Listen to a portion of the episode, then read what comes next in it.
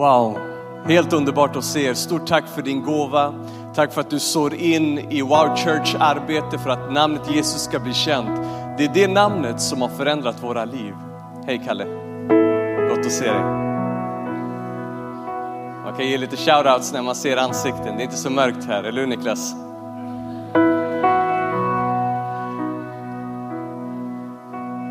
Jag älskar den här platsen. Den här platsen är helt fantastisk. På den här platsen har mitt hjärta förändrats. Och du kan öppna ditt hjärta den här kvällen och låta Gud förändra ditt hjärta. Det är helt upp till dig. Ingen kan tvinga dig. Vi har hört en fantastisk konferens här förra veckan och allt handlade egentligen om att du och jag ska gensvara på vad Gud har erbjudit varenda människa. Amen. Jag är superglad att vara här. Sist jag predikade här så var jag väldigt mycket tröttare. Nu drack jag lite kaffe innan jag skulle upp, alltså inte precis här, det, det hjälper inte utan man måste dricka lite innan om man, om man brukar lägga sig vid 9-10. Är ni med mig? Okej, okay. är ni redo för att ha kul ikväll? Att jag med. Vet du, vet du hur min morgon började? Så här. Jag bara hoppade för mig själv. Eller Miriam satt också där i soffan, men jag hoppade. Du vet, jag är en sån här så jag, jag, kan inte börja med någonting lugnt på morgonen, för då somnar jag. Då blir det precis som när jag låg och sov. Jag måste ha någonting som edify, alltså någon som uppmuntrar mig på morgonen. Och då blir det sådana lovsånger med lite högre takt, alltså så lite snabbare takt. Amen. Metti, är du med mig? 100 procent. Där uppe, är ni med mig? Kul att se er. Jag ser inte riktigt era ansikten. Jag ser någon med vit tröja och så, vad, vad heter ni? Ni får ropa högre. Jonas, gott att se dig Jonas. Jonas, på den här platsen så förändrades mitt liv. Det är på riktigt. Jag ska berätta mer alldeles strax. Ska vi bara be och låta Jesus få komma in i våra hjärtan just nu.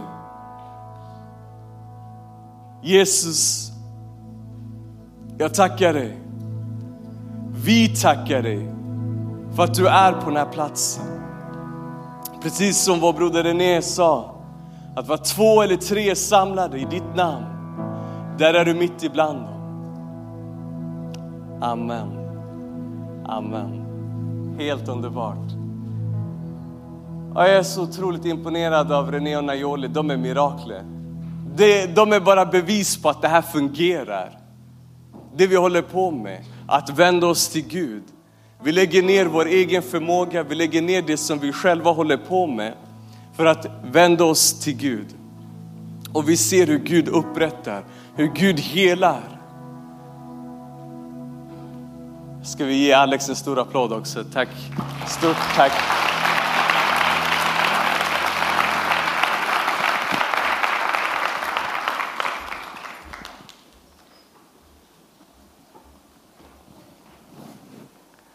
Jag måste nypa mig själv. Är det så mycket människor som kommer hit en fredagkväll för att höra saker ur Bibeln? Det är, det är ganska annorlunda. Och det är, det är väldigt ödmjukande ska jag berätta för er. Och jag, jag, kan bara tacka Gud för allt som han visar oss i vår församling. Alla människor som blir upprättade, alla människor som blir helade, alla människor som får sina personliga mirakler. Gud är personlig. Ska du säga till din granne, Gud är personlig. Och Gud ska vara personlig med dig ikväll. Det är min bön, det är så jag har förberett mig. Gud möt varenda en av oss, inte kollektivt utan personligen. Amen. Så att du går hem och kan leva ut det här livet själv. Amen. Jag vill hedra, precis som när jag här, mina pastorer. Det är därför jag står här, för att någon annan bad när jag hängde på klubben. Är ni med mig? Jag trodde att livet handlade om att gå ut och dansa och, och träffa tjejer och, och, och, att det på något sätt skulle fylla mitt tomrum. Men jag visste inte, precis som pastor Jakob predikade, att evigheten är nedlagd i varje människa. Predikaren kapitel 3. Evigheten är nedlagd i var och en av oss. Det spelar ingen roll hur mycket du än försöker. Om det är klubben, eller om det är alkohol, eller om du försöker snorta någonting, eller vad det än du försöker, du kommer inte bli full på det. Du kommer inte bli tillfredsställd, utan det enda som kan tillfredsställa är Jesus. Och jag ska gå in på det, varför? Inte bara för att han säger, utan för att det fungerar. Amen.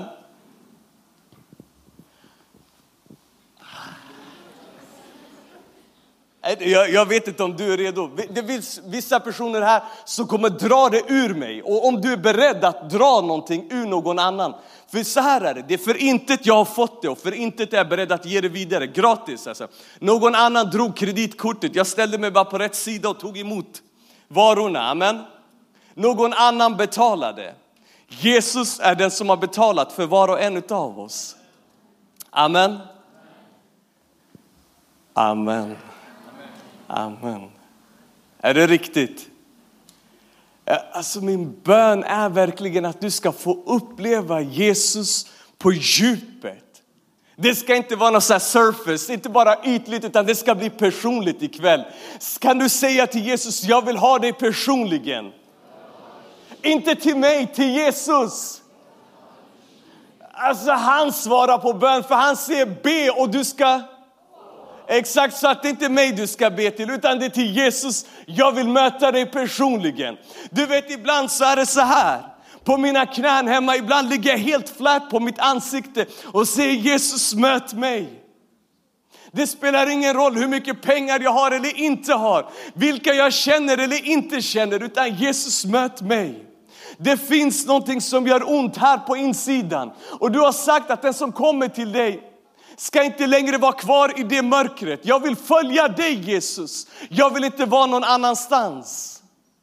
Ta bort det här oket ifrån mig. Ta bort det som tynger mina axlar. Det som gör att livet känns tungt. Det som gör att jag går omkring och mediterar på vad människor tycker eller tänker om mig. Det som gör att jag går omkring och mediterar på det jag inte har istället för att vara tacksam för det du har gett mig. Men sist jag kollade så kunde jag gå och nu går jag fortfarande. Amen. Så när jag vet att jag kan, så varför ska jag begränsas av det jag inte har och det jag inte kan? Om du säger att jag får så får jag. Om du säger att jag kan så kan jag. Och om du säger att jag har så har jag. Amen. Ni kan, eller hur?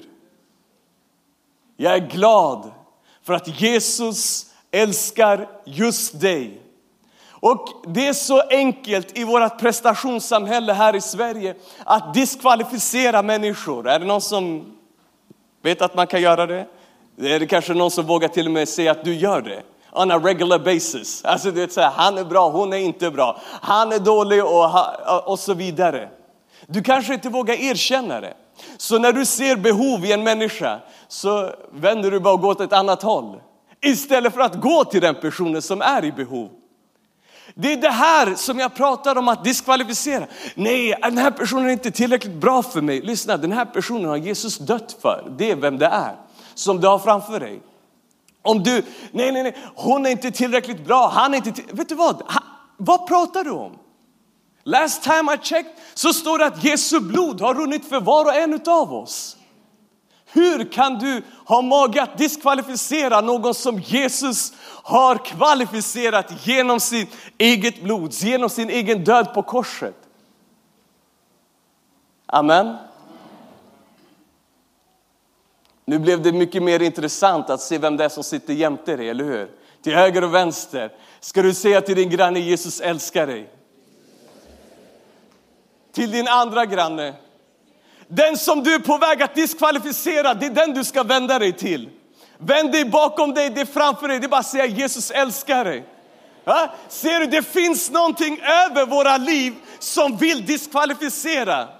Det är inte bara dina day ones det handlar om, utan det handlar om alla människor. Det står i Guds ord att Jesus dog för hela mänskligheten. Johannes 3 och 16. Var och en av oss är kvalificerad genom Lammets blod. Amen. Det står i Efesierbrevet kapitel 2 att de som var långt borta har kommit nära genom Jesu blod. Ja, genom att någon annan har dött.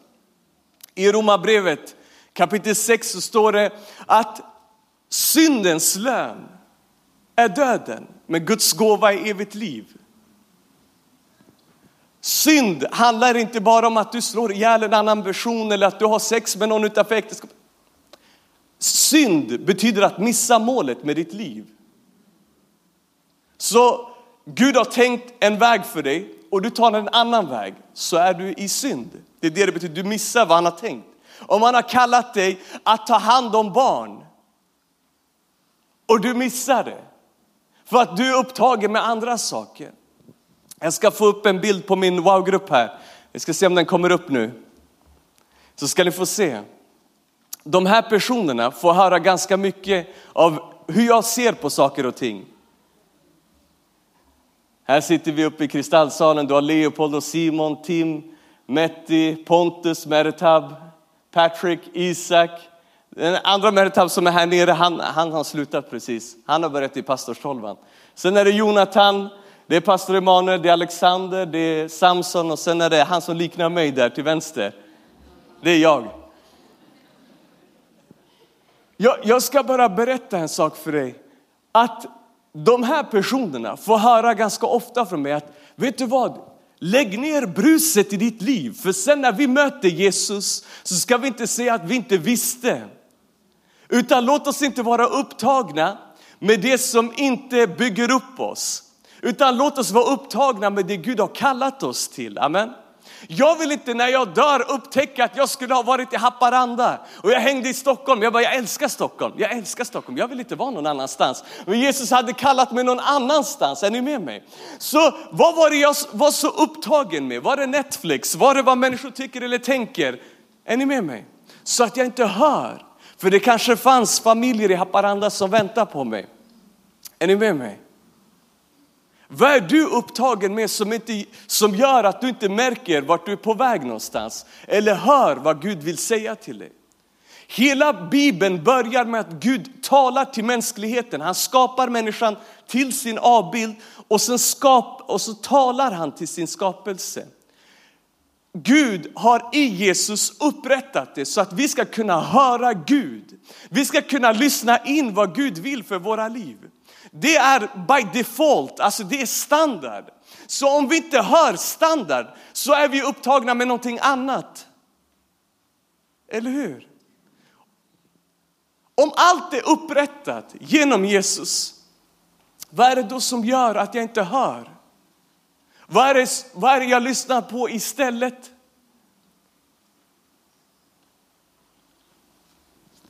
Jag ska läsa ett ord för dig från Apostlagärningarna kapitel 10. Det kommer komma upp här. Det står så här. Och då ska vi veta att det här är Petrus som säger. Detta är det ord som Gud sände till Israels folk när han förkunnade frid genom Jesus Kristus. Han är allas Herre och ni känner till det som har hänt i hela Judeen med början i Galileen efter dopet som Johannes förkunnade hur Gud smorde Jesus från Nasaret med den heliga ande och kraft. Han gick omkring och gjorde gott och botade alla som var i djävulens våld, för Gud var med honom. Vi är vittnen till allt som han gjorde, både i judarnas land och i Jerusalem. De hängde upp honom på trä och dödade honom, men Gud uppväckte honom på tredje dagen och lät honom visa sig, inte för hela folket utan för de vittnen som Gud i förväg hade utvalt. För oss som åt och drack med honom efter att han hade uppstått från de döda. Och han befallde oss att predika för folket och vittna om att han är den som Gud har utvalt till domare över levande och döda. Om honom vittnar alla profeterna att var och en som tror på honom får syndernas förlåtelse genom hans namn. Det här är evangelium. Att alla som sätter sin tro på hans namn får förlåtelse. Och du kanske tänker så här i ditt liv, jag behöver inte förlåtelse. Samma Gud som har lagt ner evigheten i det har också lagt ner ett samvete i varje människa. Och samvetet trubbas av när vi går emot vårt eget samvete. Första gången jag ljög så var, det, så var det jobbigt, andra gången jag ljög så var det inte lika jobbigt, tredje gången jag ljuger så märker jag inte ens av att jag håller på med att ljuga. Jag säger att det är bra fast att det är dåligt. Jag säger att jag kan fast att jag inte har någon, någon aning för att det förväntas av mig. Jag satt och pratade med en psykolog här i, häromdagen, det är en vän till mig. Eh, vi satt och åt lunch tillsammans jag vill bara skratta över att det, det, är så enkelt att stämpla människor idag. Du är sex bast, alltså sex år och, och, du kan inte knyta skorna och de vill göra en utredning på dig. Sluta, du behöver inte, jag missade bara. Du vet, jag är på väg att göra rosetten. Det, det, det var exakt det som hände. Gör ingen utredning på mig än. Är du med mig? Man är så snabb att man, nej, oj, ha, du vet, jag, jag hade bara en dålig morgon. Det, det är inget mer än så.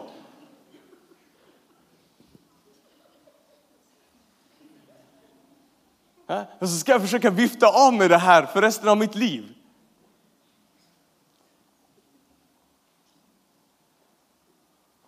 Jag, jag vill berätta för dig att Jesus visade sin godhet emot människor och det är det min predikan heter, att, att Jesus ska visa sin godhet emot dig. Att vara god är att göra det som någon annan behöver, inte det jag behöver, utan vad behöver den här personen jag har framför mig?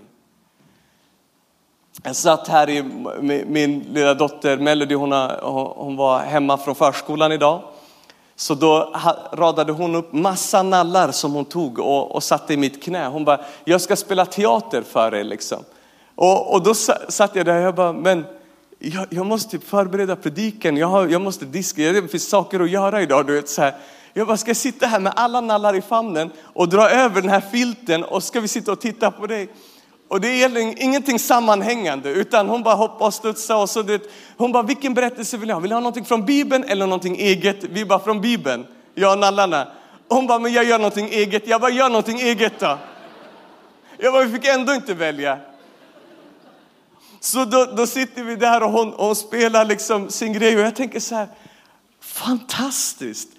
Tänk Gud att du har gett mig en dotter. Inte vara otacksam för det, för det jag borde göra eller det, så här, de här sakerna, utan var tacksam. Var i stunden, var där det händer. Gud, jag kunde lika gärna inte haft en dotter, men nu har jag en dotter. Jag har en melodi i mitt liv som bara får mig att smälta på insidan. Hon bara, hur kom jag till min säng igår? Jag bara, pappa bar dig. Det var så det gick till. Och jag gör det om och om igen. Det, du, du behöver inte ens tänka på det. Är ni med mig? Hon bara, hur kom jag ur bilen igår kväll? Jag tror jag somnade. Jag bara, för att pappa bad dig. Du behövde att någon skulle bära upp dig. Och Gud är god. Vår far i himlen ser vad vi behöver. Han vet exakt vad vi behöver. Det står i psalm 37 och 4 att han känner våra hjärtas begär. Vad är det du längtar efter? Vad är det som är längst in där? Är det någon form av upprättelse? Är det att få komma ut i sin kallelse? Det spelar nog ingen roll vad det är för någonting. Gud vet, han har upptecknat det på sina egna händer. Du är alltid inför honom. Han har räknat varenda hårstrå på ditt huvud. Du är inte någon doldis. Du kan vara en doldis 24-7 för dina vänner genom att säga att det är bra och det är okej. Okay. Men för Gud är du alltid helt naken och han älskar dig ändå. Amen. Och han älskar mig ändå. Det är Guds godhet emot oss. Så vi behöver inte dölja vilka vi är, utan vi kan bara vara.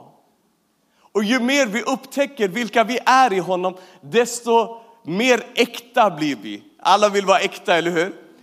Vill du bli äkta, börja hitta dig själv. Sluta jobba på flisorna i människors liv. Utan börja med bjälkarna i ditt eget öga Ta bort bjälkarna så att du kan se klart och peta bort den där lilla flisan. Det där var inte så mycket. Och många gånger när du blir irriterad på människor, tänk på hur du reagerar. Kan jag göra någonting annorlunda? Du vet, det var en som bara gick förbi mig i kön idag. Och jag tänkte så här, jag har tid, jag har frid, jag behöver inte ta någon fight med någon. Och jag minns när jag och Miriam började träffas och hon bara, alltså såg du hur otrevlig den här kassör, kassörskan eller vem det nu var, var framför dig. Du vet, så här. Och jag bara, alltså I'm dead to myself. Alltså, du vet, det där är förbi. Det där är förbi. Jag, jag kan inte kräva att du ska älska mig. Det, är helt, det, det vore ju helt hopplöst. För ena dagen kan du älska mig och andra dagen hänger du mig. Så jag kan inte förtrösta mig på dig. Utan jag förtröstar på honom som inte växlar mellan mörker och ljus. Han är där hela tiden.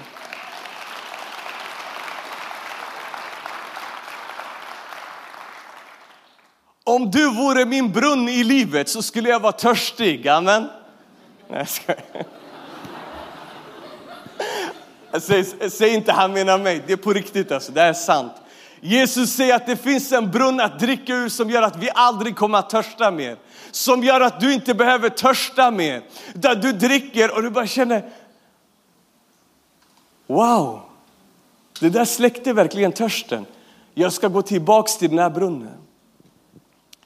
Vill du, jag, jag ska berätta en sak för dig. Sen jag var, gick i tredje klass, alltså på lågstadiet, så har jag burit glasögon. Och jag, det började med att de flyttade fram mig i klassrummet för jag såg inte riktigt vad som stod där. Och sen, sen har jag haft glasögon typ hela mitt liv. Och jag, det, har, det har aldrig riktigt funkat det där med att köpa snygga glasögon för mig. Så de första glasögonen jag fick, de, de var så här guldiga. Så mina föräldrar köpte, de var lite för stora för mig, för, för min lilla, alltså jag var ju bara nio år.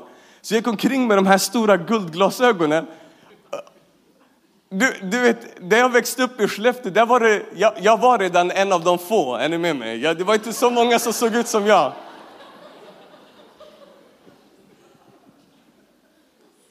Mina föräldrar brukar säga du vet, som fluga som flyger i mjölk, du vet, som bara kommer in. Den ska bara bort så.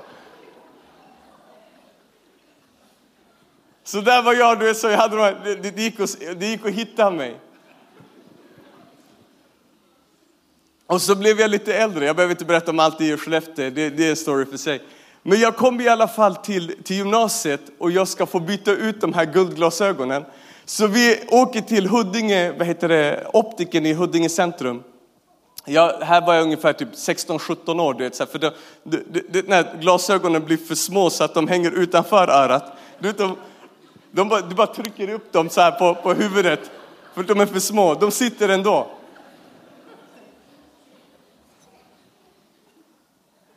Det, det, var lite problem med likviditet, okay? det, det fanns inte så mycket cash, så det, det var bara att ha på sig dem eller inte se.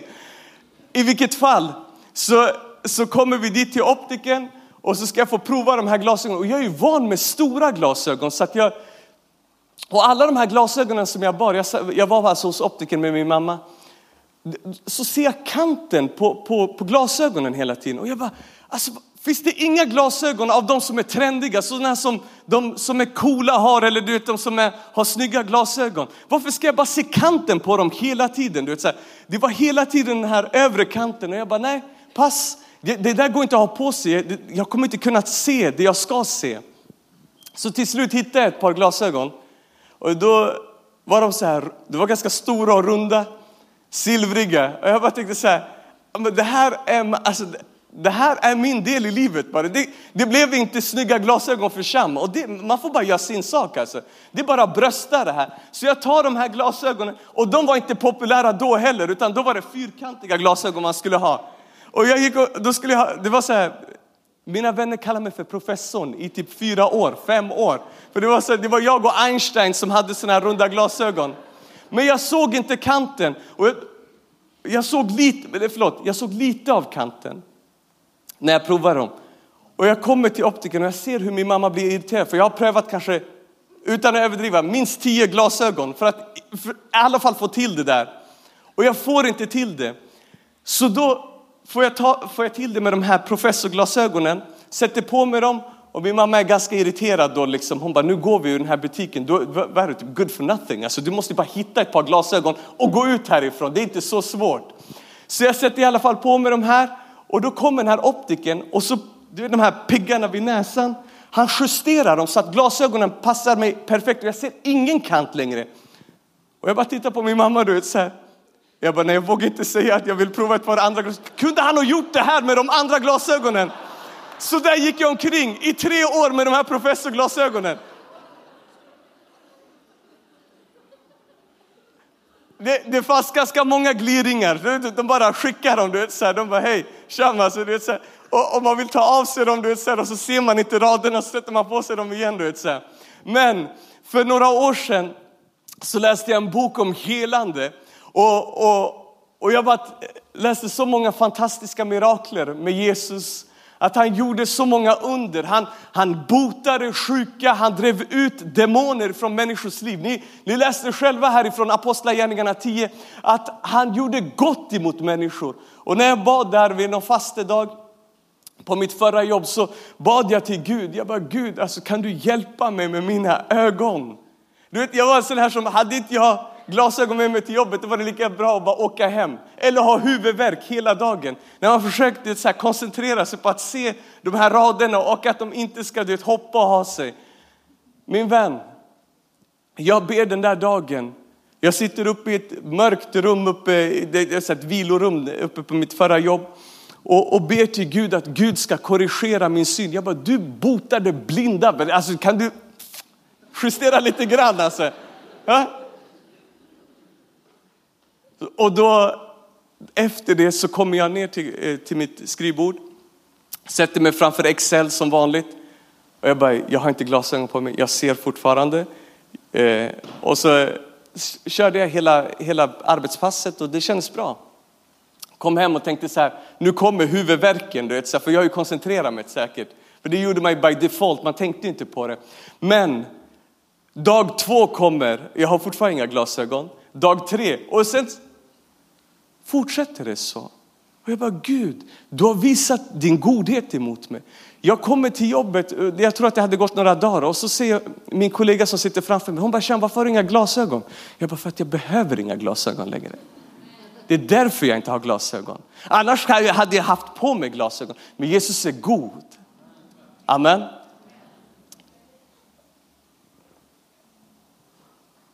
Sen klass 3 fram till 25, varit professor, guldglasögon, jag har gjort alltihopa. Inte haft snygga glasögon. Men Gud är god mot sina barn. För mig var det ett problem. För mig, jag, jag kände bara, nej men alltså Gud, jag, du vet, vissa har sina saker, men jag hade det här. Jag bara, varför ska jag ha huvudvärk? Varför måste, alltså skulle jag haft så här att ha ljus mot mina ögon, det hade varit otroligt ansträngande för mig. Till och med med glasögonen på. Men Gud är god. Jag satt här nere på ett bönemöte vid ett tillfälle här för några år sedan och, och satt med båda mina barn i famnen och så kom det fram en latinamerikansk kvinna gråtande som bara, kan du be? Kan du be för, mig, eh, för min syster? Och jag bara tittade på henne. Jag bara, det är ett bönemöte. Finns det ingen annan här som kan be? Jag sitter med två barn i famnen. Så här. Ena gråter och tycker att det är jobbigt för att du är en främling som kommer emot mig just nu. De så här vrider sig. Jag bara, finns det ingen annan att fråga här? De står ju längst fram, ledarna. Men hon ber mig och jag bara, det är så här, jag bara for what it's worth. Jesus bara botar den här kvinnan. Jag bara ber ut blodet över den här kvinnan som jag visste inte ens vem det var. Det som händer är att dagen efter så kom en kollega in i mitt rum och jag har precis börjat jobba här, det var 2017. Så kom hon på och knackade på på min dörr och så berättade hon för mig. Hon bara Sham, den här kvinnan som du bad för över telefon. När du bad så upplevde hon en värme som gick rakt igenom hennes ben och så upp igen. Hon hade haft problem att gå. Och läkarna visste inte varför. Är ni med mig? Och nu kan hon gå på stan. Och vet du vad jag sa då? Jag bara, det kan ju inte ha varit jag, för jag var ju upptagen med mina barn. Jesus är god och vill bota människor. Gud vill ta bort det som tynger. Det står att han är god och bryter oket över människors liv. Amen. Gud vill göra någonting speciellt den här kvällen. När jag förberedde mig så sa Gud två saker till mig att jag ska be för. Och det är det jag ska be för. Inte för att jag är superbra eller superman utan för att han är kung. Och han kan. Och han har. Och han får. Det står att han är allas Herre. Du vet, mina, jag hade många muslimska vänner när jag växte upp. Vi, jag har brutit fastan med dem, du vet, de kliver in i Ramadan här alldeles strax, alltså fastemånaden. Jag har ätit fikon och du vet, så här, daddel, druckit soppa. Jag har gjort många saker och jag minns många som sa till mig, bara, så här, alltså Sham, det du ska göra, det är bara blunda, var inte, tänk inte på Jesus, tänk inte på någon, du vet, så här, utan fråga bara om Gud, om du finns där, visa det för mig. Jag bara, exakt så har jag gjort och jag har mött honom. Jesus Kristus, han har förändrat mitt liv, han har förändrat min familj. Min familj ville kasta ut mig när jag började här. Samma familj fick jag döpa i Albysjön där jag växte upp, i den egen sjö där jag växte upp.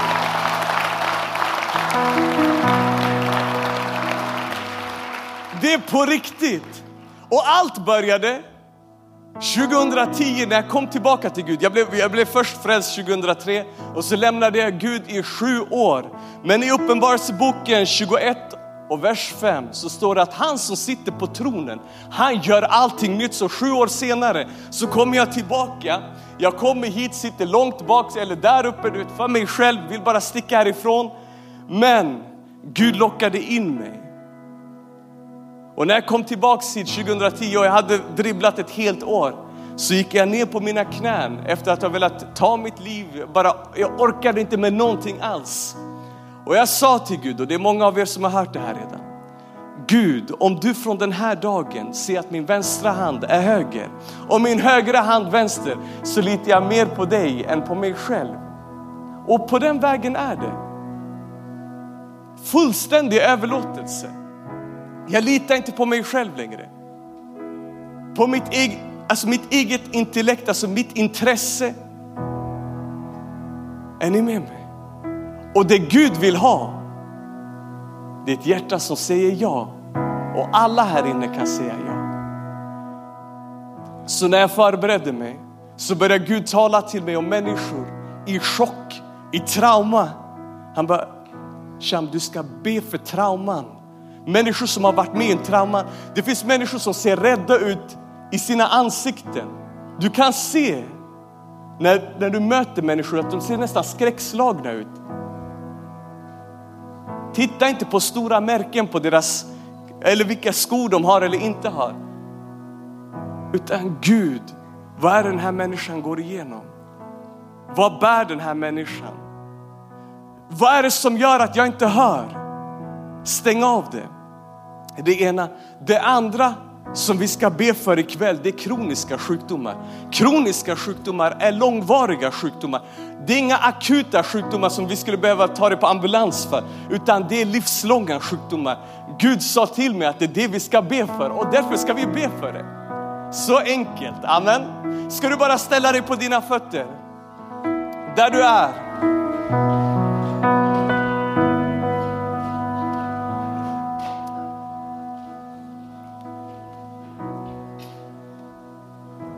Den här senaste life class-processen eh, som vi var i, så gick min fru fram till en ung kvinna, hon var här och vittnade. Jag vet att jag har berättat det här innan, men jag vill säga det igen.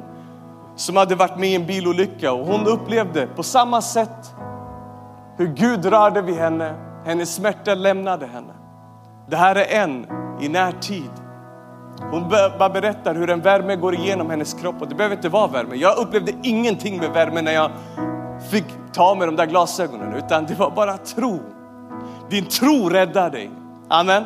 Tro på Gud och det kan du göra. Det spelar ingen roll vem du är i det här rummet. Du kan tro på Gud och Gud kan bota dig i sin godhet. Ska du bara sträcka dina händer där du är. Jesus, du ser varje man, varje kvinna som är i det här rummet, varje person som har kommit hit.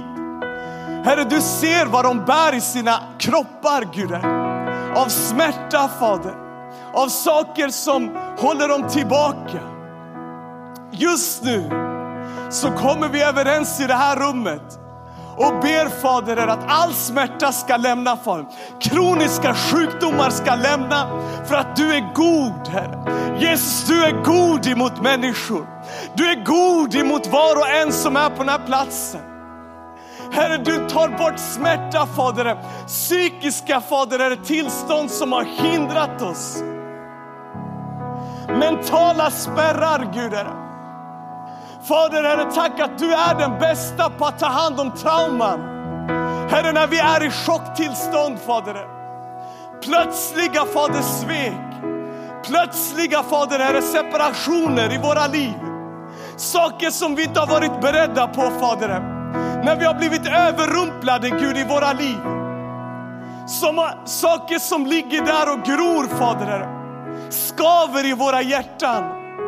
Vi tackar dig, Fader, att nu när vi lovsjunger, nu när vi tillber Gud, Herre, så ska du komma med ett helande i våra liv. Det här är det som kommer hända när vi börjar tillbe Gud. Så kommer du märka hur, Guds, hur saker bara släpper, hur saker bara ramlar av dig. Vi kommer att tillbe honom tills det händer. Sträck dina händer, sträck ditt hjärta. Det är inte, du vet förr trodde jag att jag, maten inte var välsignad förrän jag hade gjort så här. För det var så jag var uppväxt. Men maten är välsignad för att Gud är god. Det är så det fungerar i Guds rike. Är du redo? Om du är redo, så säg jag är redo. Om du är redo, så säg jag är redo. Rör vid mig Gud.